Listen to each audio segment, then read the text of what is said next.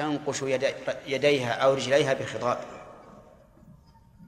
حنة أو غيره. ولا تمت وللنساء ولا تمتشط.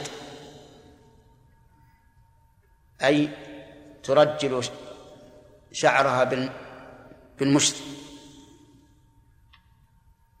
لماذا؟ لأن هذا كله من التجمل. وعن أم سلمة رضي الله عنها قالت جعلت على عيني صبرا بعد أن توفي أبو سلمة. يجي لا الحديث متصلة جعلت على عيني صبرا بعد أن توفي أبو سلمة. أبو سلمة رضي الله عنه كان ابن عم أم سلمة.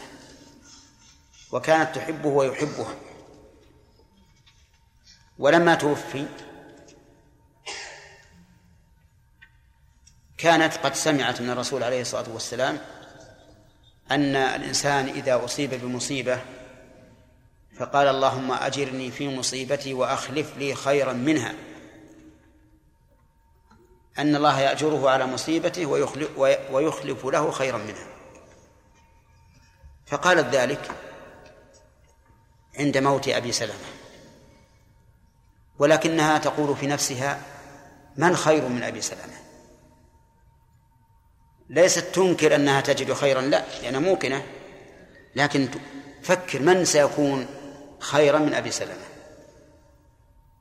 وما انقضت عدتها حتى خطبها النبي صلى الله عليه وآله وسلم. فكان خيرا من أبي سلمة. ثم أن أبا سلمة رضي الله عنه دخل عليه النبي عليه الصلاة والسلام وقد شخص بصره قد توفي. وانفتح فأغمضه وقال اللهم اغفر لأبي سلمة وارفع درجته في المهديين وافسح له في قبره ونور له فيه واخلفه في عقبه. خمس دعوات تزن الدنيا كلها.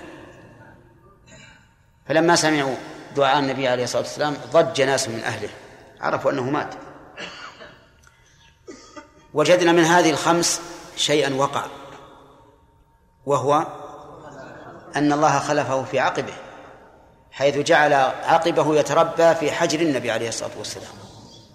أفضل شيء. والبقية إلى الله لكن نرجو أن الله أجابها سبحانه وتعالى. تقول رضي الله عنها لم إنها جعلت على عيني صبرا بعد أن توفي أبو سلمة فقال رسول الله صلى الله عليه وسلم إنه يشب الوجه. يشبه يعني يحسنه ويضيئه. وأصله من شب النار. النار إذا شبت لمعت وأضاء لهبها فمعنى يشبه يعني يحسنه ويضيئه. فلا تجعليه إلا بالليل وانزعيه وانزعيه في النهار وانزعيه بالنهار. فلا تجعليه إلا بالليل وانزعي وانزعيه بالنهار. ألبى هنا بمعنى في فهي للظرفية.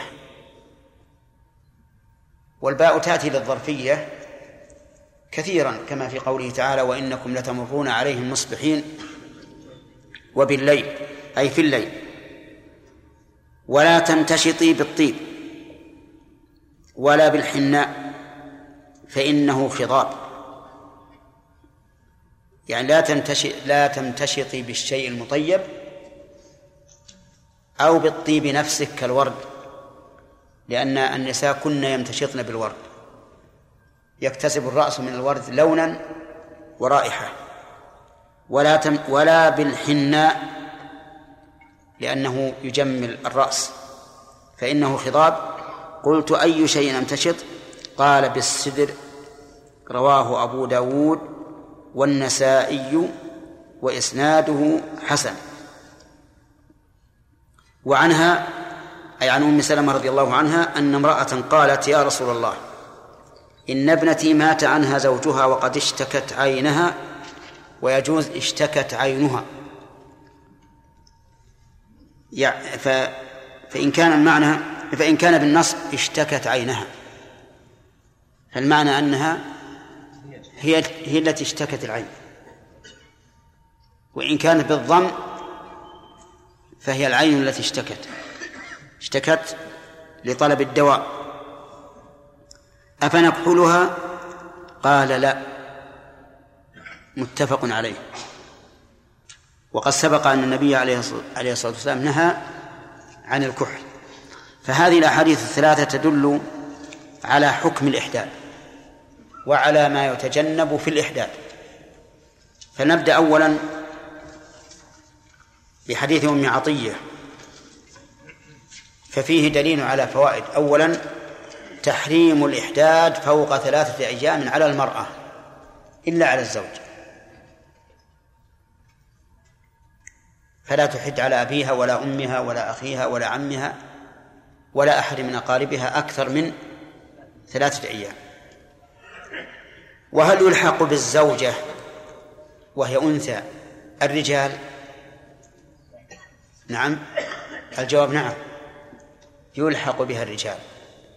فيجوز للرجل وللمرأة أن تحد على غير الزوج ثلاثة أيام.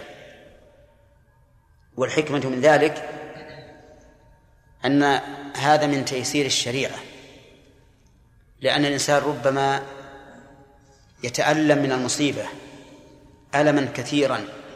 لا تنشرح صدره لا ينشرح صدره للزينة والرفاهية. يعني يعجز أن يملك نفسه للتزين والتجمل والتطيب وما أشبه ذلك. فرخص له الشرع بثلاثة أيام لإعطاء النفس حظها. وهذا من باب التربية النفسية. لأنك إذا أعطيت النفس حظها فهو خير من كتمها. إذا أنها إذا كتمت ربما تنفجر. ولهذا يحسن بنا إذا رأينا الصبي يبكي أن ندعه يبكي. لأنه إذا بكى طابت نفسه وذهب ما في ما في صدره. لكن إذا هشته وزجرته وسكت على إغماض فإن ذلك يبقي في صدره ضيقا. إذن يجوز الإحداد فيما دون ثلاث في في ثلاثة أيام فأقل على كل ميت. طيب وهل يجوز أن يتكرر هذا الإحداد؟ لا لا يجوز. لأنه لو تكرر وصار كلما مر أسبوع أو أربعون يوما أو ما أشبه ذلك أعدناه صار الإحداد فوق ثلاثة أيام. طيب فإذا قال قائل ما نوع هذا الإحداد؟ نحن فهمنا إحداد الزوجة على الزوج لكن ما نوع الإحداد الجائز؟ هل معناه تنكيس الأعلام وما أشبه ذلك مما يفعله بعض الناس؟ الجواب لا. وإنما الإحداد يتعلق بنفس الشخص. يتعلق بنفس الشخص. يعني مثلا لا يلبس الثياب الجميلة لا يتطيب لا يخرج للنزهة في هذه المدة وما أشبه ذلك. أما شيء يعلن منفصلا عن الرجل فهذا يشبه أن يكون من باب التسخط على قضاء الله عز وجل. ومن فوائد هذا الحديث أيضا تيسير الشرع بإعطاء النفوس حظها في أمر يكون في أمر الأصل فيه التحريم. مثل جواز الإحداث ثلاثة أيام فأقل. ومن ذلك أنه أعطى النفوس حظها من اللهو في أيام العرس وأيام الأعياد. وقدوم الغائب الكبير. لأن النفوس تحتاج إلى سعة إلى سعة. يعني لو, أبقيتها دائما في جد تعبت وسئمت. فرخص لها في المناسبات التي تدعو الحاجة إلى الانطلاق بعض الشيء. ومن فوائد هذا الحديث اعتبار الثلاث أي العدد الثلاث وهذا معتبر كثيرا في عدة أمور. حتى في الأحاديث تجد مثلا أحاديث كثيرة. ثلاثة لا لا يحصل لهم كذا وكذا. ثلاث لا يغل عليهن قلب مؤمن. وما أشبه ذلك. المهم أن هذا كثير اعتبار الثلاث. وهل هو أكثر من اعتبار السبع؟ نعم. أكثر؟ وهل هو أكثر من اعتبار الخمس؟ الخمس. هي أكثر. لكني أنا في شك من اعتبار السبع مع الثلاث أيهما أكثر؟ نعم. على كل حال أنا أنا أقول لكم في شك وأنتم ابحثوا. نعم. لا أيها أكثر هو السبع. أيها أكثر هي السبع هذا السؤال. من فوائد هذا الحديث أيضا وجوب الإحداد مدة عدة الوفاة. لقوله إلا على زوج أربعة أشهر وعشرة. فإن قال قائل نحن ننازع في هذه الفائدة من وجهين. أولا قولنا وجوب الإحداد مع أن الاستثناء من شيء محرم. فيقتضي أن يكون هذا الاستثناء للإباحة. هذه واحدة. الثاني أنه من قال إن إن المراد على زوج فارقها بالموت ألا يشمل من فارقها في الحياة؟ فالجواب أما عن الأول فإن فإن نقول بوجوب الإحداد من وجهين الوجه الأول أن نهيه عن الإحداد أكثر من ثلاث يدل على أن الأصل التحريم والغالب أن المحرم لا يباح إلا بما هو أقوى منه وهو الواجب وهذا الوجه فيه ضعف. الثاني أن نقول إن آخر الحديث يدل على أن الإحداد على سبيل ها؟ الوجوب. كيف؟ لأنه قال لا تلبس ثوب مصب ثوبا مصبوغا ولا تكتحل ولا ولا ولا. فذكر مناهي. فدل هذا على أن الإحداد واجب. وأما الثاني وهو أنه ما الذي أعلمنا أن المراد عدة الوفاة دون عدة الفراق في الحياة. فالجواب تحديدها. أربعة أشهر وعشر. وليس هناك شيء يحدد بأربعة أشهر وعشر من العدد إلا إيش؟ إلا عدة الوفاة. فتعين الآن أن المراد بقوله إلا على زوج يعني إذا مات. فإنها تعتد بأربعة أشهر وعشر.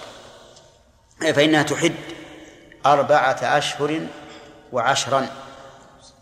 فإن قال قائل هل يستثنى من ذلك شيء؟ قلنا نعم يستثنى من ذلك الحامل. فإنها لا تحد إلا على قدر العدة وعدة الحامل سبق أنها وضع الحمل.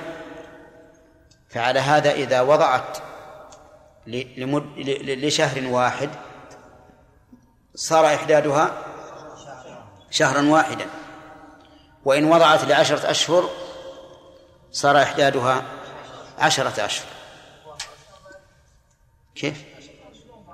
إذا وضعت لعشرة أشهر كم يكون؟ عشرة أشهر. هنا لوضع الحمل. المهم أنه يستثنى من قوله أربعة أشهر وعشرا الحامل فإحدادها إلى انتهاء عدتها.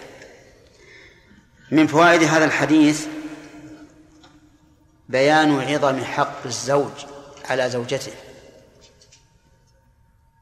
وذلك لإيجاب الإحداد عليها عليه بعد وفاته حتى لا يطمع أحد في خطبتها فينتهك حرمة الزوج. نعم. ولهذا حرمت أمهات المؤمنين على الأمة تحريما مؤبدا لأن حق الرسول عليه الصلاة والسلام أعظم من كل حق سوى حق الله سبحانه وتعالى.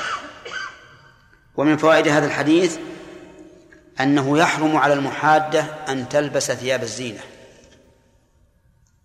لقوله ولا تلبس ثوب ولا تلبس ثوبا مصبوغا إلا ثوب عصر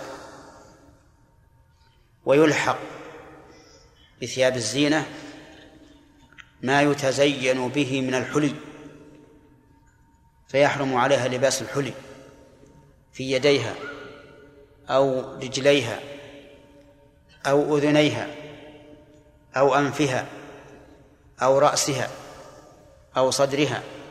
أو رقبتها أو في أي مكان يحرم عليها أن تتحلى. فإن قال قائل إذا مات وعليها حلي فماذا تصنع؟ يجب أن تخلعه وجوبا ولا يحل لها إبقاؤه. فإذا كان لا يخرج إلا بقطعه أقول أو أو قطع يدها. نعم. ماذا يكون؟ يقطع. يقطع. لأن ما لا يتم الواجب إلا به فهو واجب. ومن فوائد الحديث أن المرأة لا تكتحل حتى وإن أوجعتها عينها. قال ابن حزم ابن حزم لا تكتحل ولو عميت. ما في كحل حرام نعم. طيب. فإن قال قائل ما الجمع بين هذا وبين حديث أم سلمة حيث أباح لها الصبر؟ نقول الجمع بينهما أن الكحل يعطي العين جمالا بالسواد والصبر لا يعطيها ذلك الجمال. إذن لا يجوز أن تكتحل بما يبدو لونه سواء كان بالكحل المعروف الذريرة أو بالكحل الحديث الذي يسمى القلم أو غير ذلك. المهم أن لا تكتحل بأي نوع من الكحل. ومثل الكحل التزيين تزيين الوجه بالمكياج. أو بالتحمير.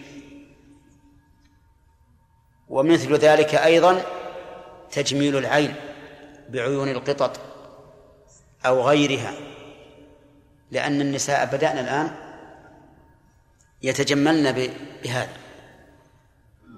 بعض النساء تختار أن تكون عينها خضراء بعضها تختار أن تكون عينها حمراء وما أشبه ذلك. يمكن زوجها أو أي واحد من الناس يشوفها يهرب منها فيما أظن والعلم عند الله. نعم. طيب. إذن نقول الكحل يقاس عليه إيش؟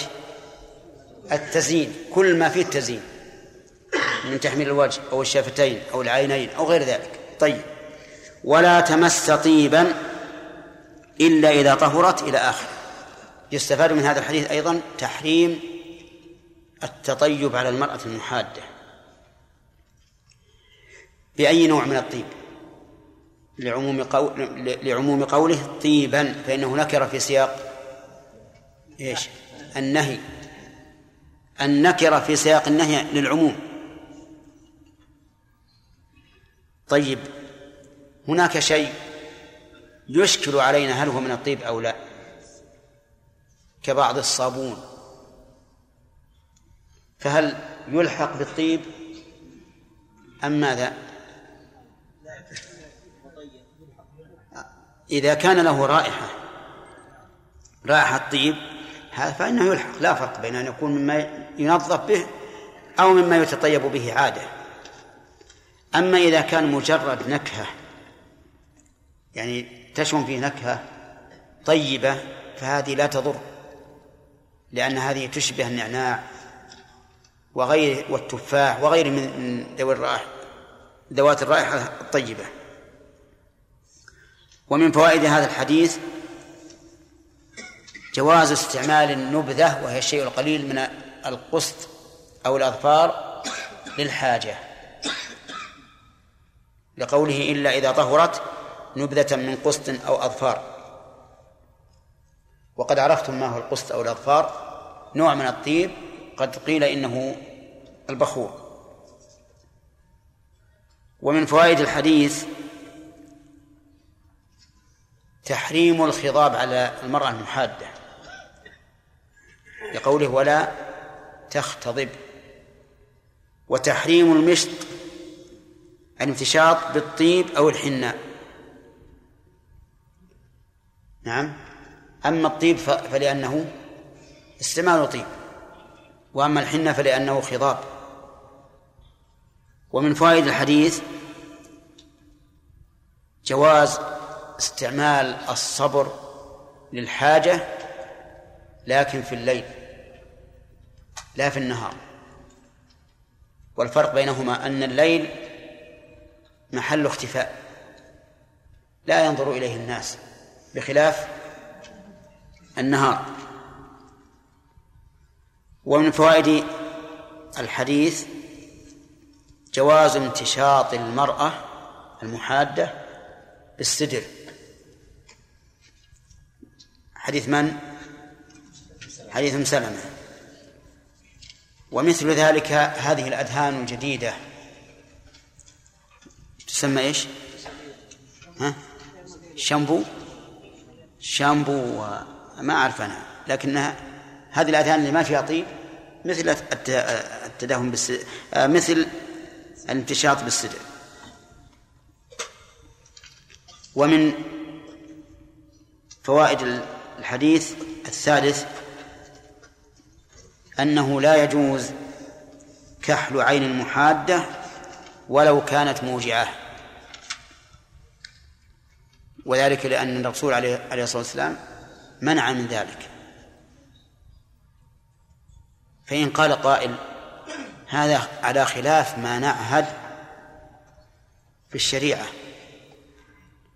قلنا لا ليس على خلاف ما نعهد في الشريعة. بل هو على وفاق ما نعهد في الشريعة. لأن الشريعة تحرم التداوي بالمحرم. تحرم التداوي بالمحرم. و ولا ضرورة إليه في الواقع. لا ضرورة إلى الدواء بالمحرم. لوجهين الوجه الأول أننا لا نتيقن زوال الضرورة به. إذ قد يتداوى الإنسان ولا يبرأ. والثاني أن الضرورة أن الضرورة قد تزول بدونه. قد يبرأ إنسان من الله عز وجل بدون أي سبب وقد يبرأ بسبب آخر مباح. وعلى هذا فيكون ظاهر الحديث أو موافقا لقاعدة الشريعة. لا مخالفا لها. فإن قال قائل أليس يجوز للمضطر أن يأكل لحم الخنزير؟ قلنا بلى. لكنه إذا أكل لحم الخنزير اندفعت ضرورته. يبقى حيا. ولهذا أباح الله عز وجل لمن يضطر في مخمصة غير متجانف للإثم أن يأكل لحم الخنزير. نعم. الإحداد ما دون ثلاثة ثلاثة أيام يعني يكون للأقارب فقط ولا لا عموم. كل من أصيب بمصيبة. والمرأة. نعم. الله إليكم. الآن تعرفون أحسن الله كثير من النساء والبنات إما طالبات وإما مدرسات نعم. إذا مات عنها زوجها. نعم. كيف تعمل؟ الطالبة والمدرسة من أي ناحية؟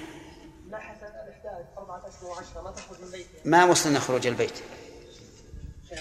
نعم. أنت؟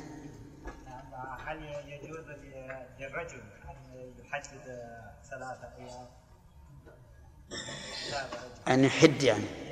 أي نعم. كذلك أيوة يجوز. يعني الزوج على زوجته؟ نعم. اي ثلاثة أيام. ثلاثة أيام فقط. أو أربعة أشهر وعشرة أيام. في بالمناسبة بعض الناس الله يهدينا وإياهم يستعملون كلمة أشبه ما تكون بالاستهزاء. إذا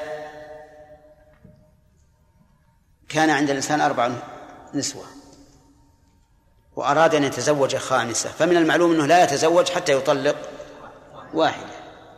إذا طلق واحدة لا يتزوج حتى تنتهي عدتها.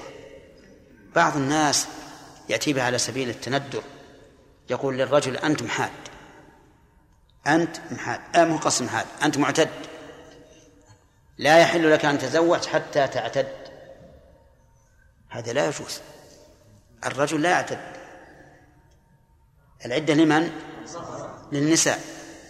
فكون الإنسان يمزح بمثل هذه الأشياء أو يتندر بها لا ينبغي أبدا. ولذلك لو ماتت زوجته ها؟ ولا يصبر لين تمضي ثلاثة أشهر. يتزوج. إذن أين العدة؟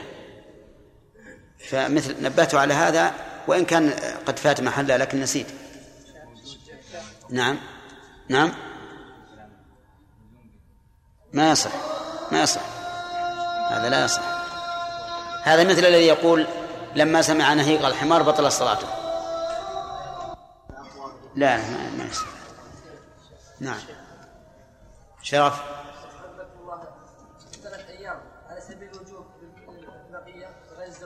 لا لا لا. على سبيل الجواز. نعم.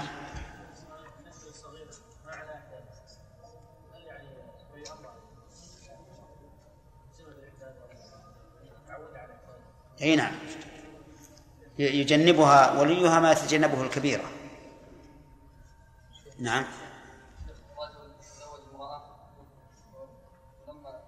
سنة حدث بينهم خلاف فهربت وجلست عند أهلها مثلا أربع سنوات. ثم أتى بعد ثلاث سنوات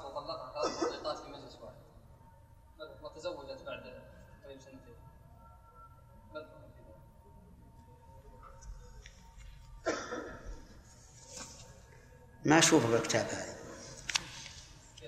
ما أشوفه بالكتاب ناصر. شيخ الآن الثياب اللي تلبسها النساء أغلبها ملونة لا لا بأس. هو المقصود بذلك أن الثوب المصبوغ في عهد الرسول عليه الصلاة والسلام يصبغ للزينة. المدار على على الزينة. المدار على الزينة والتجمل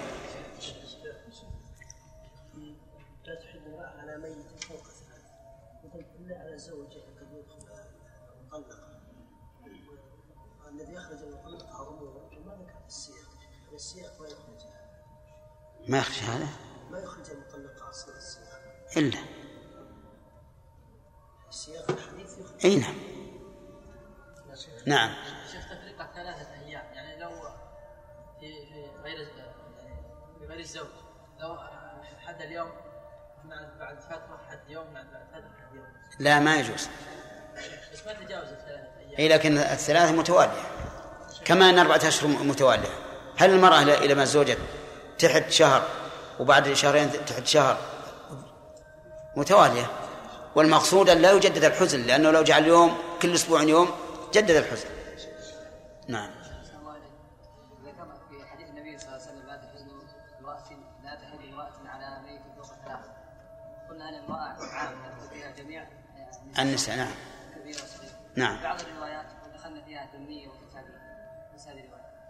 بعض الروايات قال النبي صلى الله عليه وسلم لا يحل لامرأة تؤمن بالله.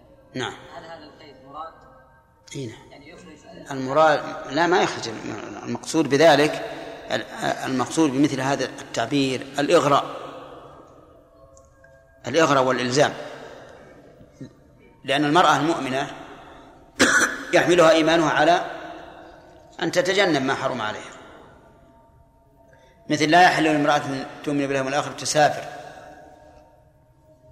يعني معناه هذا من باب الإغراء يعني معنى أن إيمانها بالله واليوم الآخر يلزمها بالتزام الشرع إلا على زوجة بعد أشهر منها وجوب الإحداث نعم. على الرجل أيضا لا الرجل يعني ما يحل. أنها وجوب الإحداث على المرأة. لا لا. لا ذكرنا آه، الأخ آه، هداية الله لما سأل عنها نعم منصور.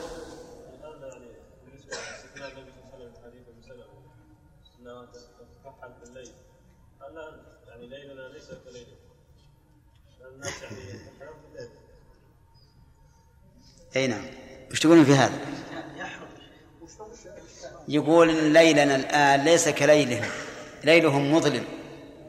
وليلنا مسفر. لا نقول في ليلهم ليالي البيض مقمرة. عرفت؟ قد تقول إن, إن القمر ما يصل للحجر. فنقول إذا كانت في حجرتها ولو كانت مضيئة ما يراها أحد. هنا نعم. انتهى؟ خلاص. هل يجوز الإحداد على غير الميت على ميت غير الزوج أو لا؟ يلا بن داود. يجوز بثلاثة أيام فأقل. ما الدليل؟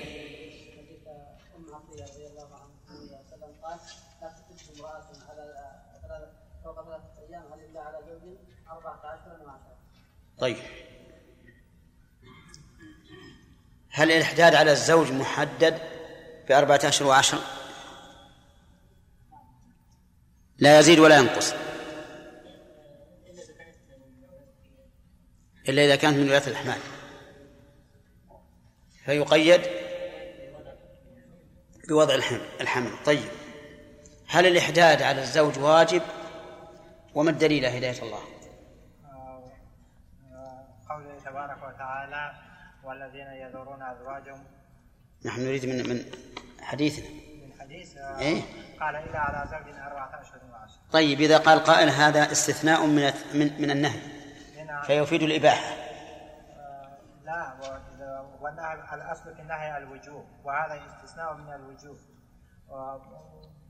فيفيد الوجوب كذلك.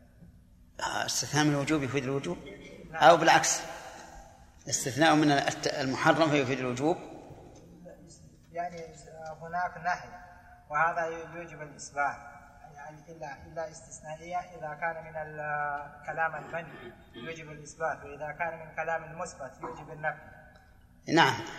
الاستثناء يفيد أن المستثنى على ضد ما استثني منه. نعم هذا. تمام؟ نعم. طيب. المستثنى منه النهي عن الإحداث. نعم. فيكون الاستثناء مفيدا لإباحته. نستدل بقول الله تبارك وتعالى. آه لا. نعم.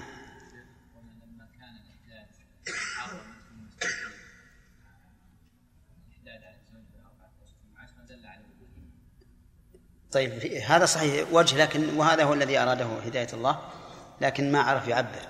وجه ثاني؟ وهو.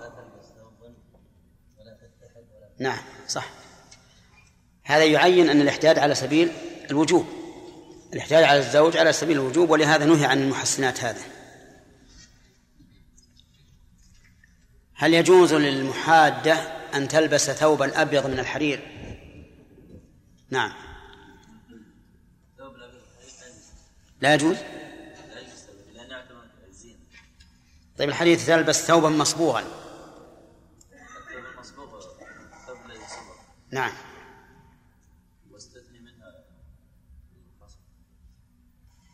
إذن نأخذ النهي عن الحرير وإن لم يكن مصبوغا بكونه من ثياب الزينة طيب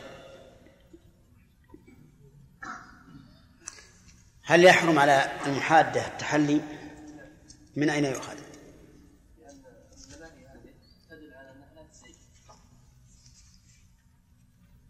لأنه نهيت عن الزينة والتحلي ها؟ من أكبر الزينة طيب. متى يجوز الطيب للمحادة؟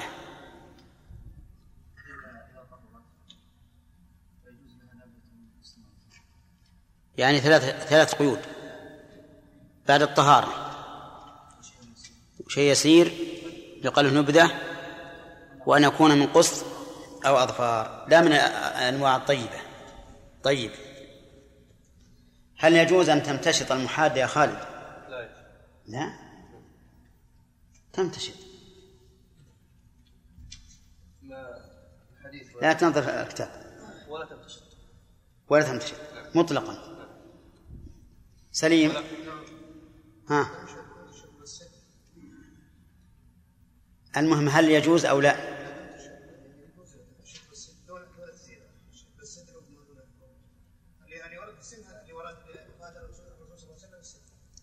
المهم هل هل هل التحريم يستثنى منه السدر؟ أو السدر هو الأصل ويقال إلا كذا؟ إذا نقول الانتشاط حرام إلا بالسدر وما أشبهه. كذا؟ طيب. الكحل يا عبد الرحمن.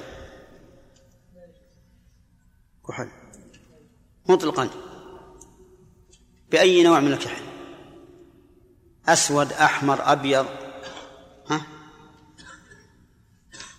ما أظن يوافقون الغالب الأسود. وغير الغالب؟ ما حررت ما حررت الجواب. نعم. ها؟ مطلقا. بأي, بأي نوع من الكحل؟ بأي نوع من الكحل؟ وفي أي وقت؟ اصبر اصبر. خلنا نناقش مناقشة نعم. لما قالت امرأة أن بنتي مات عنها زوجها وقد اشتقت عينها أفلا نقتله قال لا. تعمه لأنه لا يجوز. مع أنه اشتقت عينها. بالضرورة. نعم. أين؟ نعم. الدليل على جوازه؟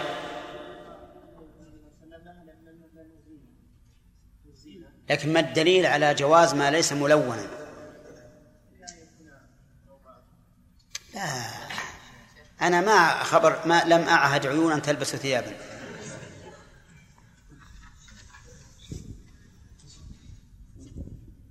كلامنا عن الكحل يا خليل. ها؟ عبد الله؟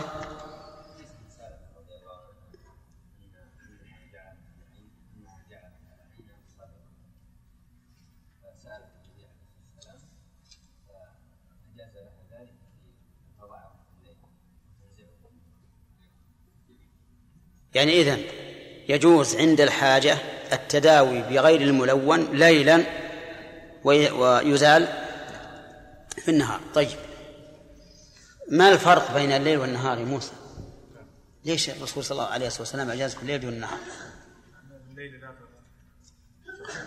إيه، محل وقت اقتناء اقتنان الناس وعدم الظهور بخلاف بخلاف النهار. طيب. امرأة محادة ياسر جعلت على عينيها عيني قطة إيش تقول؟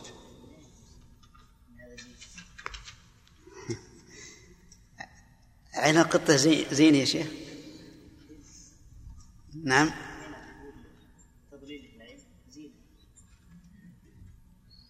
لا والله الله لا يبلاك امرأة هكذا وش تقولون يا جماعة؟ السؤال العموم هل هل يجوز أن تجعل على على عينها عين قطط؟ لا. لأنها تعتبرها زينة. طيب.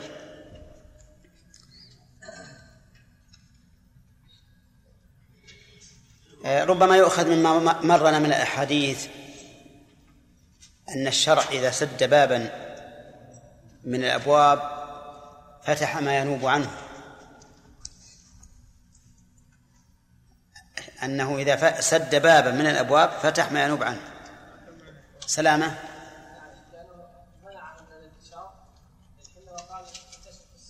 نعم. أحسنت. طيب إيه، أظن انتهى الكلام. وين الفوائد؟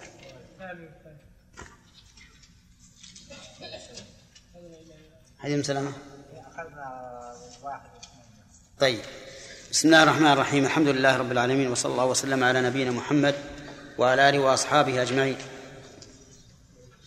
من فوائد حديث أم سلمة رضي الله عنها جواز الاكتحال بالصبر عند الحاجة ليلا ويمسح بالنهار.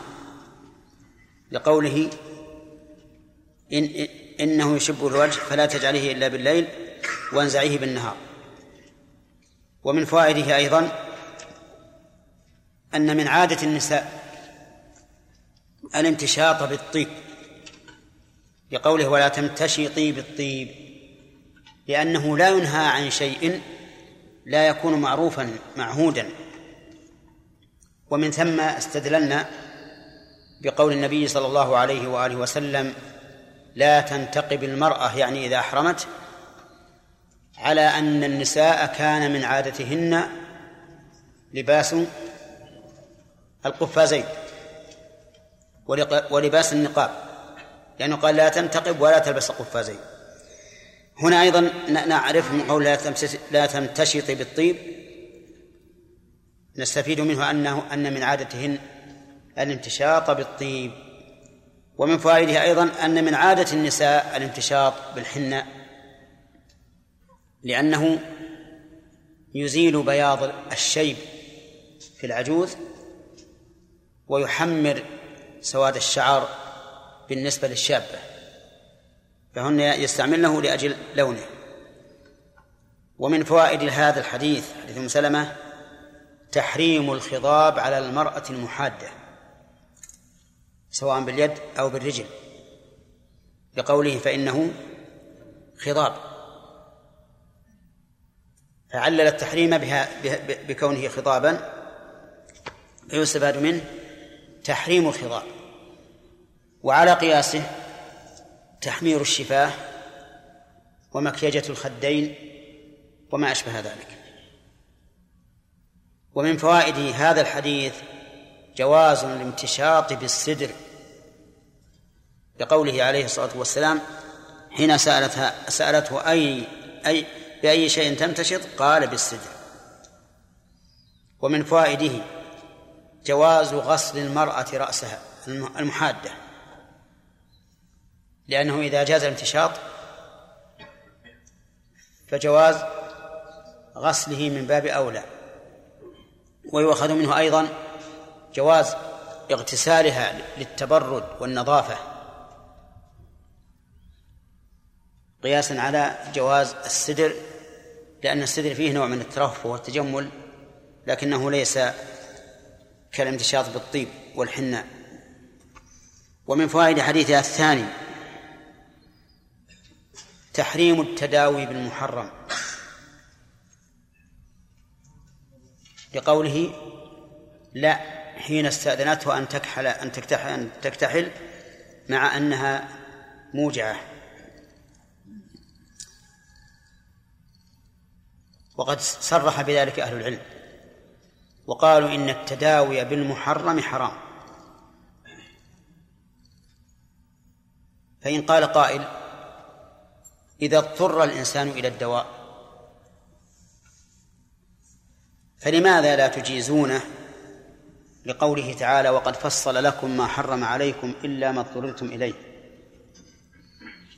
فالجواب أن المحرم يجوز دفع الضرورة به لأنها تندفع به يستفيد منه.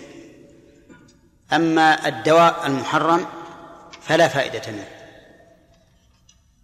وذلك لأن الله لو علم فيه فائدة ما حرمه على العباد لأباحه لهم. ثانيا أنه لا ضرورة إليه في الواقع. لا ضرورة إليه. لأن لأن الشفاء قد يحصل بغيره. قد يحصل بدواء آخر مباح وقد يحصل بفضل الله ومنته عز وجل. وكم من أناس صار عندهم من قوة التوكل ما جعل ما, ما جعلهم يشفون به. طيب. فتبين أنه لا يصح لوجهين الوجه الأول أن الضرورة لا تندفع به. والوجه الثاني أنها قد تندفع بغيره. بخلاف أكل الميت لو مضطر فإن الضرورة لا تنتفع إلا به. كذا. و يعني ما ما في غيره. وتندفع به. تندفع به إذا أكل سلم من الموت. ومن ثم أجاز العلماء رحمهم الله لمن غص بلقمة أن يشرب عليها خمرا يدفع اللقمة به لأنه هنا استفاد ولا تندفع الضرورة إلا بذلك.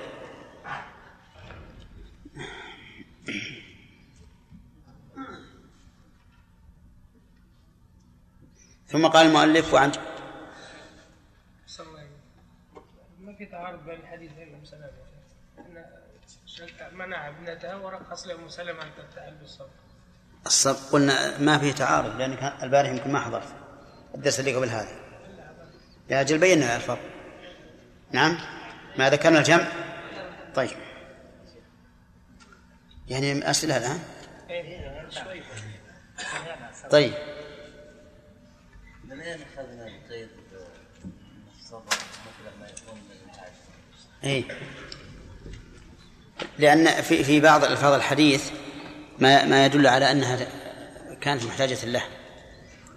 ثم أن الصبر تعرف أنه حار على العين ويؤذيها. ما يستعمل إلا للحاجة. ليس كالكحل الأسود. نعم.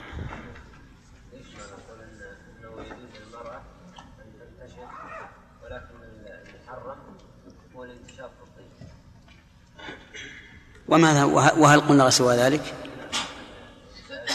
ها؟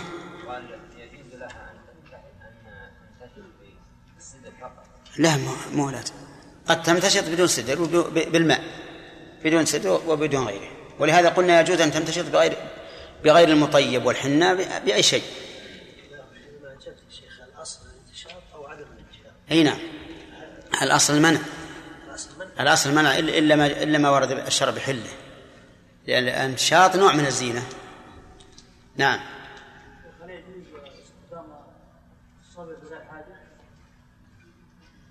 ما دام فيه شيء من من التجميل فإنه لا يجوز إلا لحاجة لأن الرسول قال أنه يشب الوجه. نعم. في محرم لذاته وفي لأمر خارج عنه نعم. مثل هذا يا شيخ الآن الكحل الأصل أنه مباح.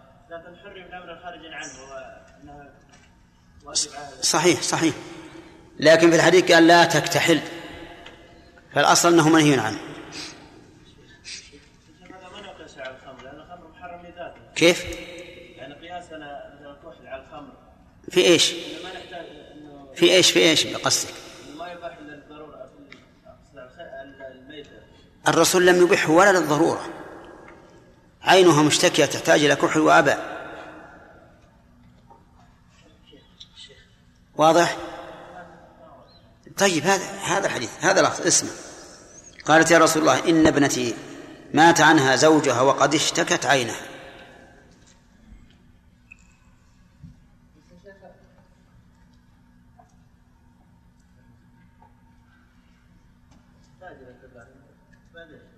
لا واضح. واضح. نعم. مصطفى. العدسات اللاصقة التي تغير لون العين أليس تغييرا لخلق الله ما تقول في هذا الإشكال؟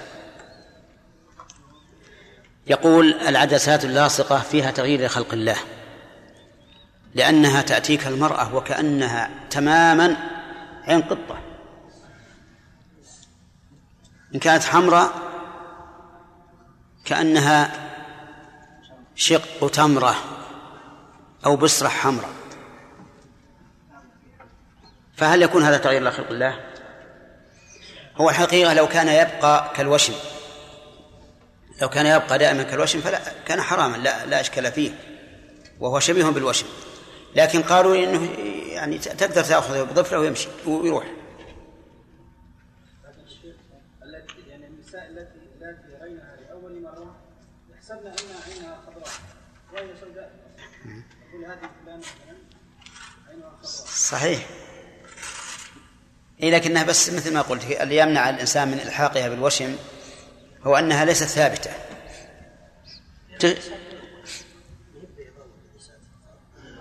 عرفت؟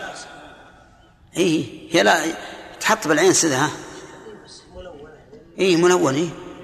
ملونة. أنواع أنواع. خضراء وزرقاء ويمكن بعد مشعة بالليل. ما ندري قد تكون. عنها شيخ علي هذه الطبية. ها؟ يقول عنها البيضاء هذه طبية فقط. إيه إيه هذه الطيبية هذه بدل بدل من اللي يشانه ويحطه إيه. ها؟ اي نح- إن شاء الله بس المجال بال... إلى إلى إلى تم لأن باقي علينا مسألة خروجه من بيتها ومسألة النفقة. الدهلي. اللي في فتح لها نعم. وابن حبان والحاكم وغيرهم. بسم الله الرحمن الرحيم. الحمد لله رب العالمين. وصلى الله وسلم على نبينا محمد وعلى آله وأصحابه ومن تبعهم بإحسان إلى يوم الدين.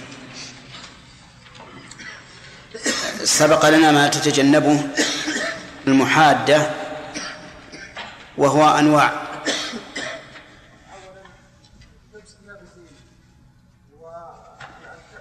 ما الدليل؟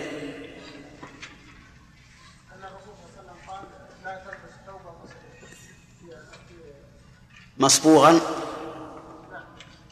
إلا؟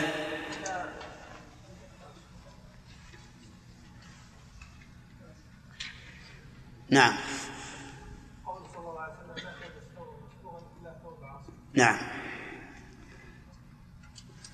الثاني لا لا. يلا عطنا هنا. إيه أنت؟ الثاني مما تجنبه المعتدة للوفاة المحادة. انتهينا منها. ما جاء وقت الخروج. ما تحدثنا عنه. نريد ما مر علينا من الأحاديث. ولا تكتحل. ما الدليل؟ حديث ام سلمه ها. عندما قال الثوب مسبوقا ولا اصابا ولا تفتح قوله ولا تكتحل. في دليل آخر.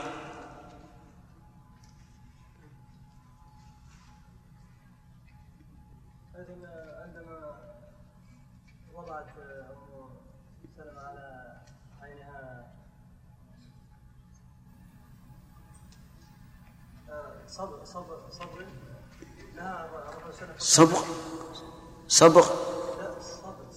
نعم. صلى الله عليه وسلم الا في ليل نعم. طيب. نعم. إي نعم. أصبر ما هو الشيء الثالث؟ انتهى انتهى. الطيب حديث ام عطيه قال ولا تمس طيبا قال ولا تمس طيبا هل يستثنى منه شيء؟ إي نعم. نعم. طيب عبد الله. إلا إذا طهرت نبذة من قسط أو أظفار. طيب.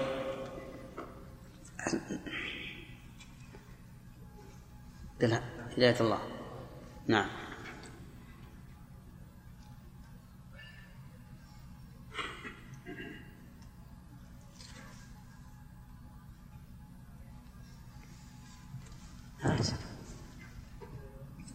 وش اللي يحرم؟ الأنواع التي تحرم على المحادة ها؟ ولا ولا تمتشط ولا تم آه. ألا تمتشط بإيش؟ بالطيب ولا بال بالطيب لا تمتشط بالطيب ولا ولا بالإملاء فإنه اختطاف إيه. طيب. أحسنت. نعم. أخذت أظن. إيه؟ طيب يلا. الخضاب بيديها أو رجليها؟ أو شعره كله يكون فيه خضاب طيب. آه، هل لها أن تتزين بتحمير الوجه أو المكياج أو ما أشبه ذلك؟ ليس لها ذلك. طيب الدليل؟ نعم. وعلى الخضاب أيضا. الكحل والخضاب. طيب. إذا صارت الأنواع أولا ثياب الزينة ويقاس عليها الحلي. ثالثا الاكتحال. لا يقاس عليه الحلي يضاف إلى التحلي. ثالثا الخضاب. ال... آه... نعم. حط عندك. بدأ الدرس. الاكتحال ويقاس عليه التحمير وما أشبه والخضاب كذلك.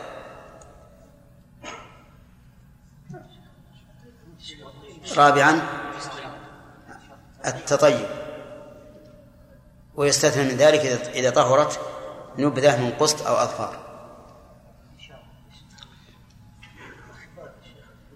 الامتشاط بالحنة وشبه من ذوات الألوان. أما بالسدر وشبه مما مما ينظف لكن بدون لون فهذا لا بأس به. نعم.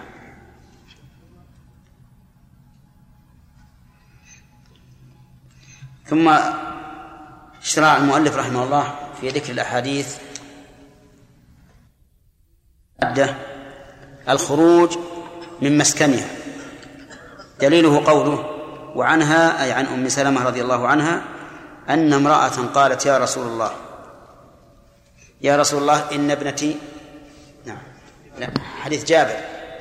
وعن جابر رضي الله عنه قال طلقت قال طلقت خالتي فأرادت أن تجد نخلها. فزجرها رجل أن تخرج فأتت النبي صلى الله عليه وآله وسلم فقال بلى جدي نخلك فإنك عسى أن تصد أن تصدقي أو تفعلي معروفا. هذا بالنسبة لخروج المعتدة. المطلقة قال الله تعالى فيها يا أيها النبي إذا طلقتم النساء فطلقوهن لعدتهن وأحصوا العدة واتقوا الله ربكم. لا تخرجوهن من بيوتهن ولا يخرجن إلا أن يأتين بفاحشة مبينة. فأما فنهى الله سبحانه وتعالى أن نخرجهن ونهاهن أن يخرجن إلا أن يأتين بفاحشة مبينة. الفاحشة المبينة قال العلماء مثل بذاذة اللسان وإساءة الجيرة وما أشبه ذلك. وعلى هذا فنقول المطلقة لا تخرج من بيتها. ولكنها ليست كالمحادة لا تخرج أبدا بل هي تخرج وترجع إلى بيتها لأنها إذا كانت رجعية في حكم الزوجات والزوجات يخرجن ويدخلن لكنهن في بيوت أزواجهن. فكذلك المعتدة من طلاق الرجعي تبقى في بيت زوجها لكنها تخرج كما تخرج الزوجة وترجع كما ترجع الزوجة. وتتجمل وتتزين وتطيب حكمها حكم الزوجة لقوله تعالى وبعولتهن أحق بردهن في ذلك. فجعل الله تعالى المطلق بعلا للمطلقة. إذن نقول إن المطلقة تخرج وتدخل ولا حرج عليها في ذلك لكن تبقى سكناها في في بيت زوجها وليس عليها إحداد. يعني لا يلزمها أن تتجنب الطيب أو أن تتجنب الزينة أو الحلي أو ما أشبه ذلك. بل ربما تؤمر بهذا لعل زوجها يرجع إليها. ودليلها هذا الحديث أنها أرى أنها أرادت أن تخرج فزجرها رجل أن تخرج. لعله ظنا منه. أن قوله تعالى لا تخرجوهن ولا يخرجن أنها لا تخرج مطلقا. ولكن النبي صلى الله عليه وسلم قال بلى يعني تخرج وتجد نخلها وبين الرسول عليه الصلاة والسلام المصلحة من ذلك وهي أن أن تتصدق أو تفعل معروفا. تتصدق على الفقراء أو تفعل معروفا بالنسبة للأغنياء. يستفاد من هذا الحديث فوائد أولا أنه من المعروف عند الصحابة رضي الله عنهم أن المرأة المطلقة لا تخرج من بيتها لهذا الحديث لأن الرجل زجرها أن تخرج ومن فوائده أنه قد يخفى على بعض الصحابة ما يخفى من أحكام الله. فإن هذا الرجل خفي عليه خروج هذه المرأة لجد نخلها. ولكن الرسول عليه الصلاة والسلام بين أن ذلك لا بأس به. ومن فوائد هذا الحديث جواز مباشرة المرأة لجد نخلها. إن كان المراد بقوله جذي نخلك يعني آه، أن تباشر ذلك بنفسها.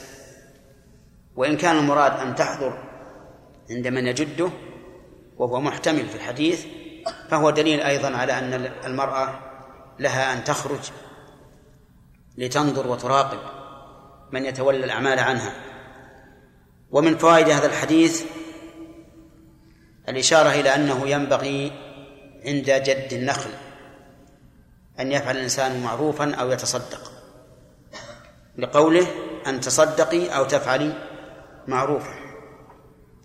ومن فوائد الحديث الفرق بين الصدقة وبين فعل المعروف فإن الصدقة تكون على الفقير المحتاج ويجوز أن تكون على الغني لكنها على الغني تكون هدية تكون هدية من باب فعل من باب فعل المعروف. ومن فوائد هذا الحديث أن الصدقة ليست بواجبة. يقول فإنك عسى أن تصدقي. وهو كذلك. لكن الزكاة واجبة ولا بد منها. ثم قال وعن فريعة بنت مالك أن زوجها خرج في طلب أعبد الله فقتلوه. قالت فسألت رسول الله صلى الله عليه وآله وسلم أن أرجع إلى أهلي فإن زوجي لم يترك لي مسكنا يملكه ولا نفقة فقال نعم. فلما كنت بالحجرة ناداني فقال امكثي في بيتك حتى يبلغ الكتاب أجله. قالت فاعتددت فيه أربعة أشهر وعشرا.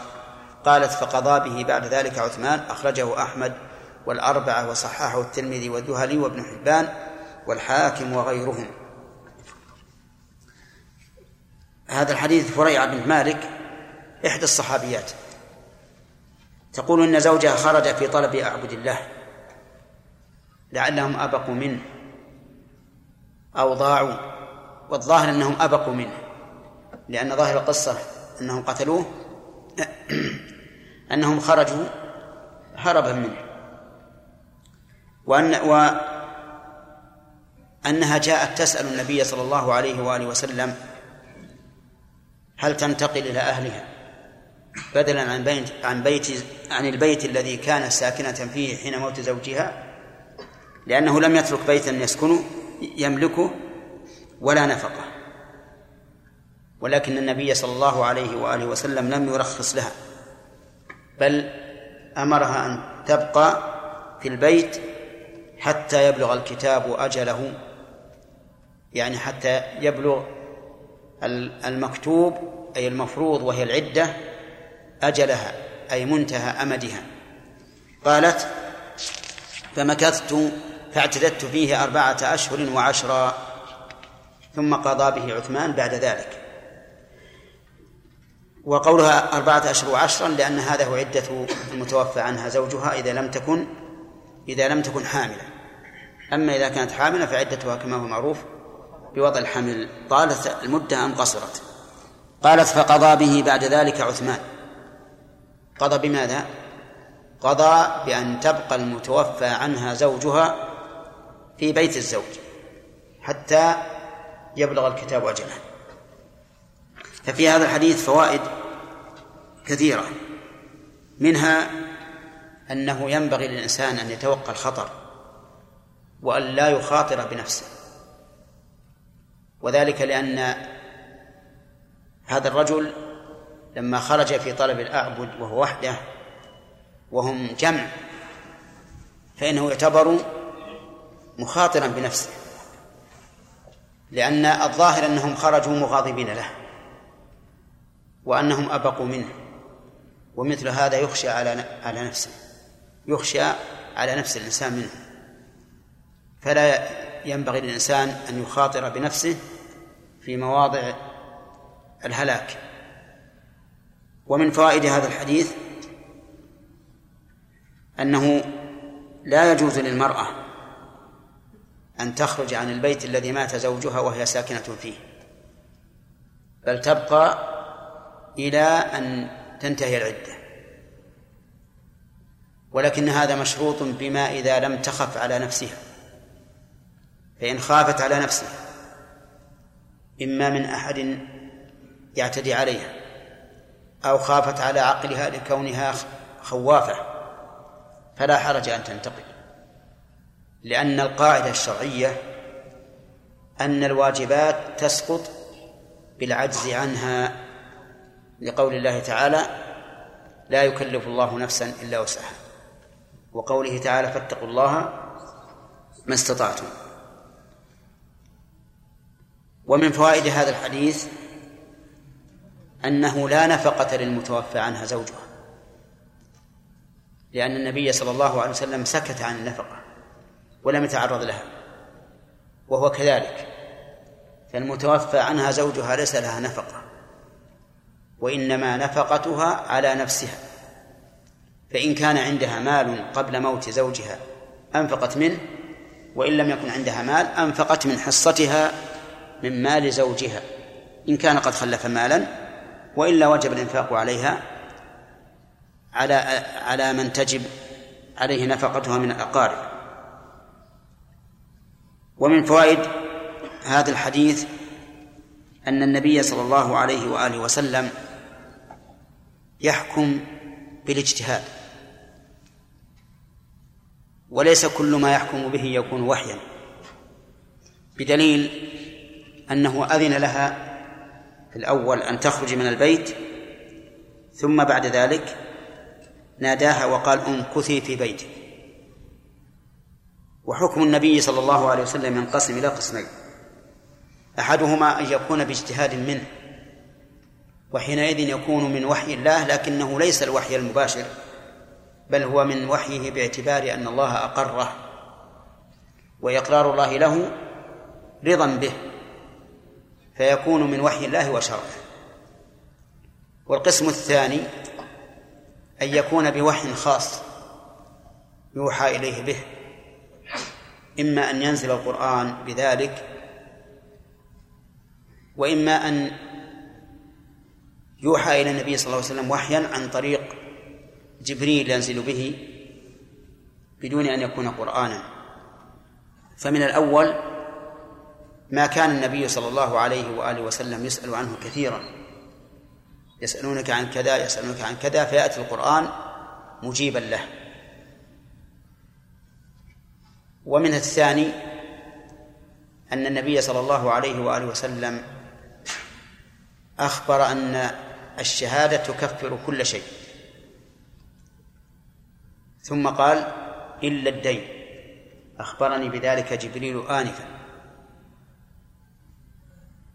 فعلى هذا تكون أحكام النبي الأحكام الصادرة من الرسول عليه الصلاة والسلام ثلاثة أقسام.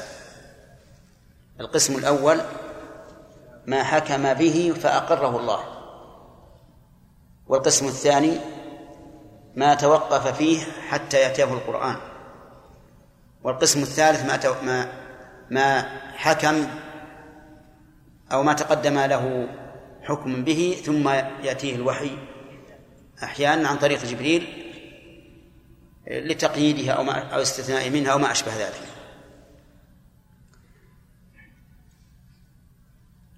ومن هذا أي مما ينبهه الله عليه قوله تعالى عفى الله عنك لما أذنت لهم حتى يتبين لك الذين صدقوا وتعلم الكاذبين. فإن الرسول عليه الصلاة والسلام أذن للمتخلفين عن الغزو دون أن يستثبت في أمرهم. أو دون أن يتبين أمرهم ثم قال الله له عفى الله عنك لما أذنت لهم حتى يتبين لك الذين صدقوا وتعلم الكاذبين. ومن فوائد هذا الحديث قبول قول المرأة في الأحكام الشرعية لأن فريعة حدثت به فقضى به عثمان رضي الله عنه. وهو أحد الخلفاء الراشدين. فدل هذا على قبول قول المرأة في الأخبار الدينية كالأحاديث والفتيا وما أشبهها. أما الأموال فقد ذكر الله عز وجل أن أنه إن لم يكن رجلين فرجل وامرأتان ممن ترضون من الشهداء.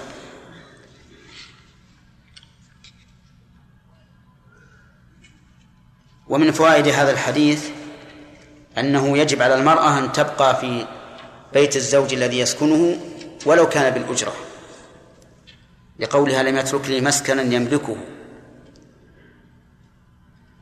فدل هذا على أن المرأة تبقى في بيت الزوج الذي كان يسكنه ولو بالأجرة. ولكن لو فرض أن المدة تمت وأن صاحب البيت طلب خروجها فالحق له. وإذا أخرجها في هذه الحال فإنها تسكن حيث شاءت عند أهلها أو عند غيرهم. ثم قال وعن فاطمة بنت قيس قالت قلت يا رسول الله إن زوجي طلقني ثلاثا وأخاف أن يقتحم علي فأمرها فتحولت رواه مسلم. قولها إن زوجي طلقني ثلاثا يعني آخر ثلاث تطليقات. وليس المعنى أنه قال أنت طالق أنت طالق أنت طالق كما جاء ذلك مصرحا به في صحيح مسلم. وقولها أخاف أن يقتحم علي أن أن يقتحم أحد علي بيتي. يعني يتسلق الجدران ويتعدى يعتدي عليها. فأمرها النبي صلى الله عليه وآله وسلم فتحولت رواه مسلم. هذا الحديث فيه أن فاطمة كان طلاقها طلاقا بائنا. والمرأة المطلقة طلاقا بائنا ليست في حكم الزوجات. وليس لها نفقة وليس لها سكنة. ما لم تكن حاملا. فإن عليها النفقة والسكنة فإن لها النفقة والسكنة على زوجها. وهذه ليست حاملا فليس لها نفقة وليس لها سكنى ولكن هل يلزمها أن تسكن في بيت الزوج؟ في هذا خلاف بين أهل العلم. منهم من قال إنه يلزمها أن تسكن. واستدل بهذا الحديث أنها استأذنت وبينت السبب. واستدل أيضا بأنها في عدة من فراق من فراق بينونة فأشبهت المتوفى عنها زوجها فيلزمها الإحداد. ولأنها ربما يطمع أحد في خطبتها لأنها بائن. وتجملها يوجب إغراء الناس بها وكذلك خروجها من البيت فلازمها أن تحد. ولكن المشهور من المذهب أنها أنها ليست كالمتوفى عنها زوجها وأنه لازمها الإحداد ولا لزوم المسكن. ولكن الأفضل أن تبقى في المسكن حفاظا على حق زوجها وصونا لمائه إن كانت حاملا وما أشبه ذلك من العلل التي عللوا بها. ولكنه ليس ذلك على سبيل الوجوب وهذا هو الصحيح. أنه لازمها أن تحد ولكن الأفضل هو ذلك أن تبقى في بيت الزوج وأن تتجنب ما تتجنبه المحادة. طيب فإذا كانت حاملا فلها النفقة والسكنة لقوله تعالى وإن كن ولد حمل فأنفقوا عليهن حتى يضعن حملهن. ويكون تكون النفقة على زوجها أبي الجنين. وأما إذا كانت متوفى عنها زوجها وهي حامل فإن النفقة تكون في مال الجنين الذي يرثه من أبيه وليس على أبيه لأن أباه قد مات وانتقل المال عنه.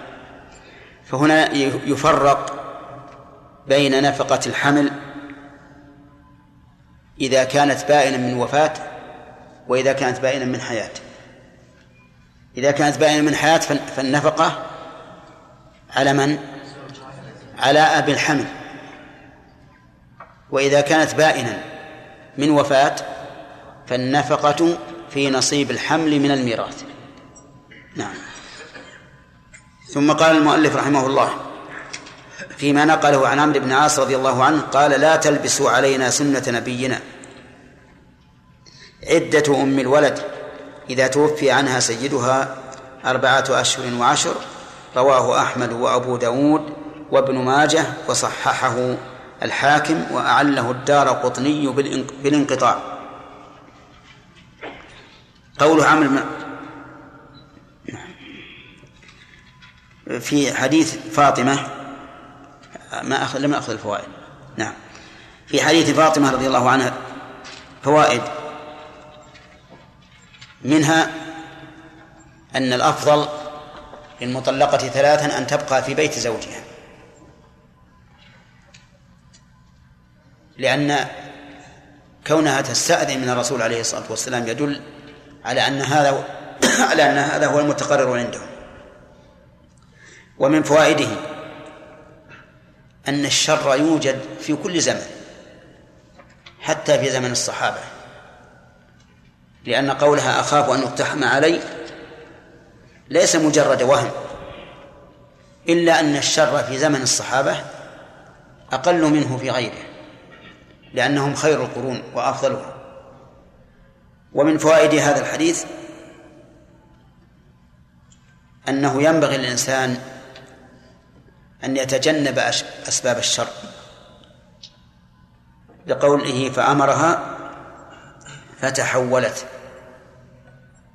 وهكذا ينبغي للإنسان أن يتقي الشر قبل أن يقع. لأن رفع الشيء بعد وقوعه أصعب من توقيه قبل وقوعه. ومن فوائده أنه إذا تحولت المعتدة لعذر فإنه لا يلزم أن تتحول إلى مكان قريب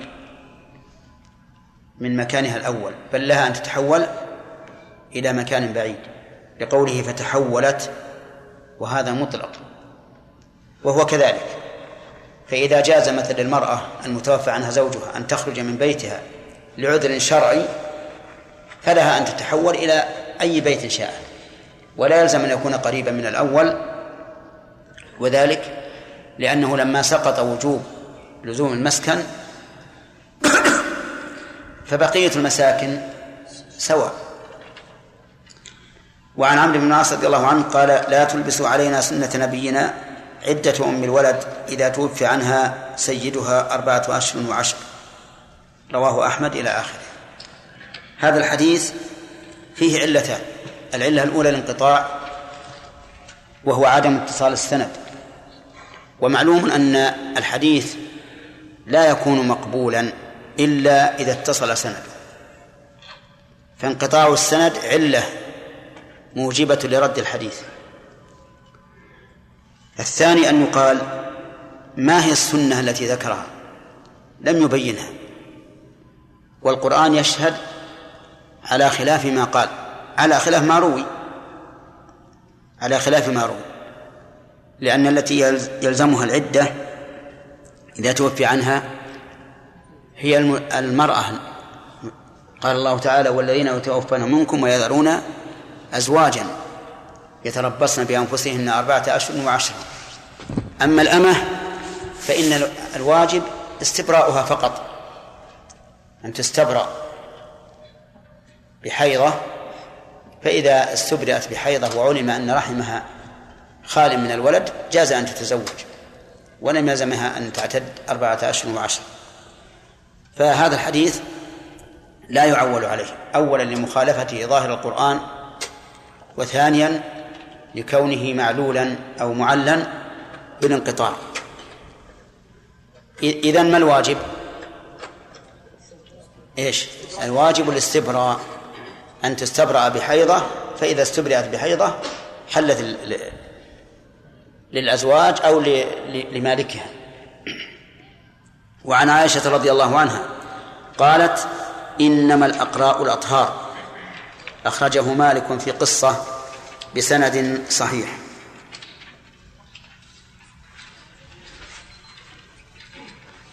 يقول عندي بالحاشية روى مالك عن ابن شهاب عن عروة بن الزبير عن عائشة رضي الله عنها أنها ها؟ أنها انتقلت حفصة بنت عبد الرحمن بن أبي بكر الصديق حين دخلت في الدم من الحيضة الثالثة. قال ابن شهاب فذكر ذلك لعمرة بنت عبد الرحمن فقالت صدق عروة وقد جاء وقد جاء وقد جادلها في ذلك ناس. وقالوا إن الله تبارك وتعالى يقول في كتابه ثلاثة قروء فقالت عائشة صدقت. يدرون ما الأقراء أو أتدرون ما الأقراء إنما الأقراء الأطهار. وقال ابن شهاب سمعت أبا بكر بن عبد الرحمن يقول ما أدركت أحدا من فقهائنا إلا وهو يقول هذا أي يقول إن الأقراء هي الأطهار. ويريد بذلك قول الله تعالى والذين والمطلقات يتربصن بأنفسهن ثلاثة قروء. وقروء جمع قرء. والقرء اختلف فيه العلماء. فقال بعضهم إنه, إنه الحيث. وعلى هذا يكون معنى قوله ثلاثة قروء أي ثلاثة حيض. وقال بعضهم إنه الطهر. وعلى هذا فيكون قوله ثلاثة قروء أي ثلاثة أطهار. ولكن الصحيح أن المراد بالقروء الحيض. لقول النبي عليه الصلاة والسلام للمستحاضة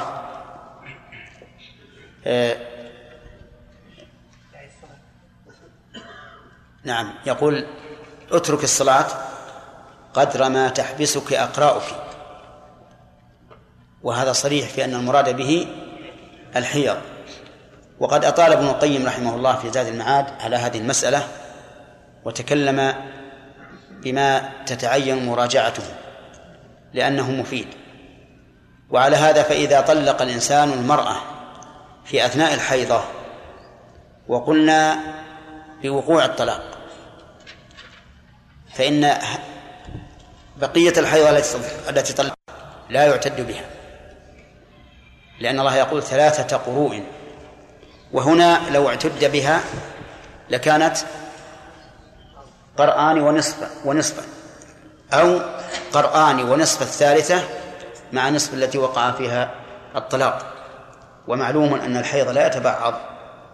فالحيض لا يتبعض. أما إذا قلنا بأنها هي الأطهار فإنها إذا شرعت في الحيضة الرابعة انتهت من من الطلاق من العدة لأن الأطهار ثلاثة بين كل حيضتين قرض. فإذا طلقها في أثناء الحيضة وقلنا بوقوع الطلاق فإن نحسب الطهر الذي بعدها والطهر الذي بعد الثانية والطهر الذي بعد الثالثة فإذا شرعت في الرابعة انتهت العدة.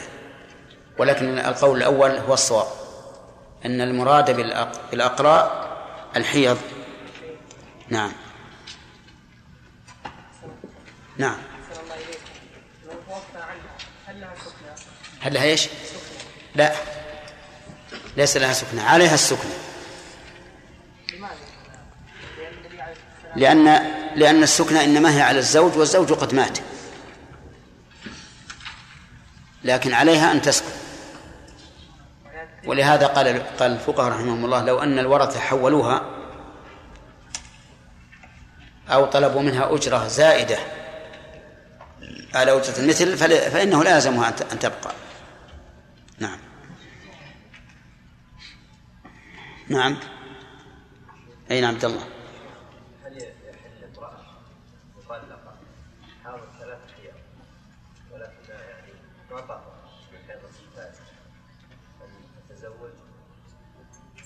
حاضت ثلاثة حيض. وفي أثناء الثالثة تريد أن تتزوج لا يجوز. لا يجوز أن تتزوج حتى تطهر من الثالثة وتطهر حتى تطهر وتطهر أيضا تغتسل.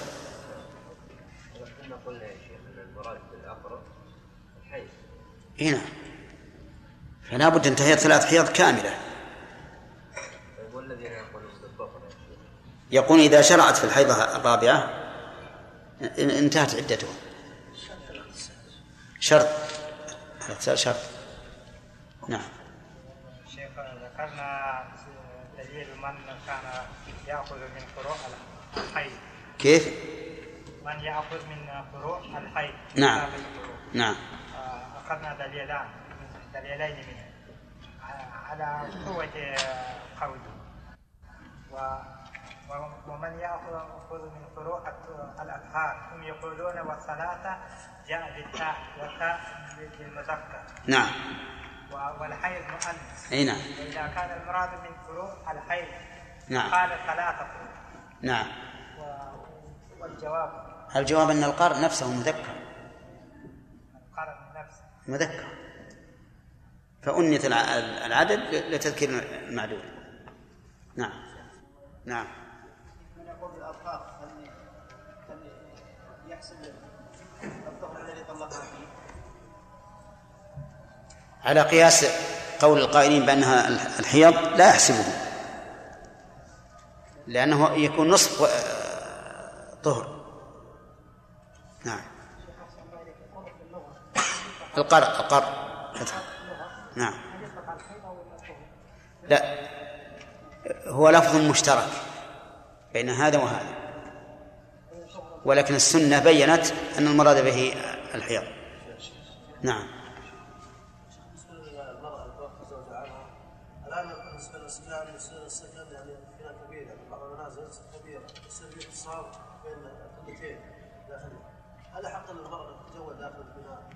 لا يعني إذا كان زوجها في فلة. و...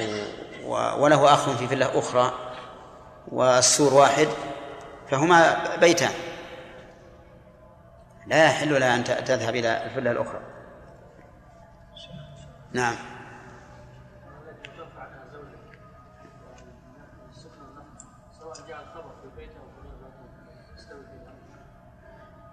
إذا جاء في غير بيت زوجها وهي زائرة مثلا فإنها ترجع إلى بيت زوجها.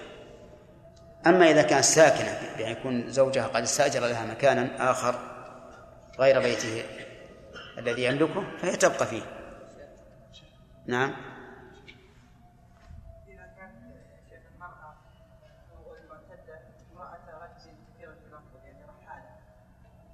يعني ها؟ إذا كان الرجل رحالة. الرجل. نعم. نعم. يعني ما له مقر؟ إيه. هنا تنظر آخر مقر مات فيه وتبقى فيه. ها؟ اي نعم دون الانتقال. إلا إذا كان مثلا في في بر ما مات ما, ما عنده أحد تخشى على نفسها. نعم قول الله عز وجل لا تخرجوهن من بيوتهن ولا يخرجن حملنا هذا على انه خروج خروج الانتقال أو خروج اي نعم مو بالخروج العادي يعني شيخ كيف لماذا لا نحمل حديث مريع على انه خروج الانتقال لا خروج التمتع ان تخرج تشتري أو تزور يعني الامر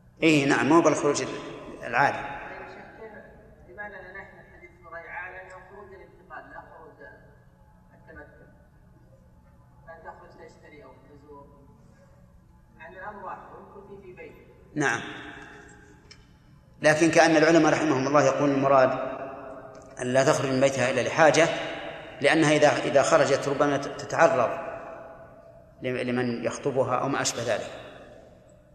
ولما كانت المحادة يح- يحرم عليها ما لا يحرم على المطلقة شددوا فيه. نعم.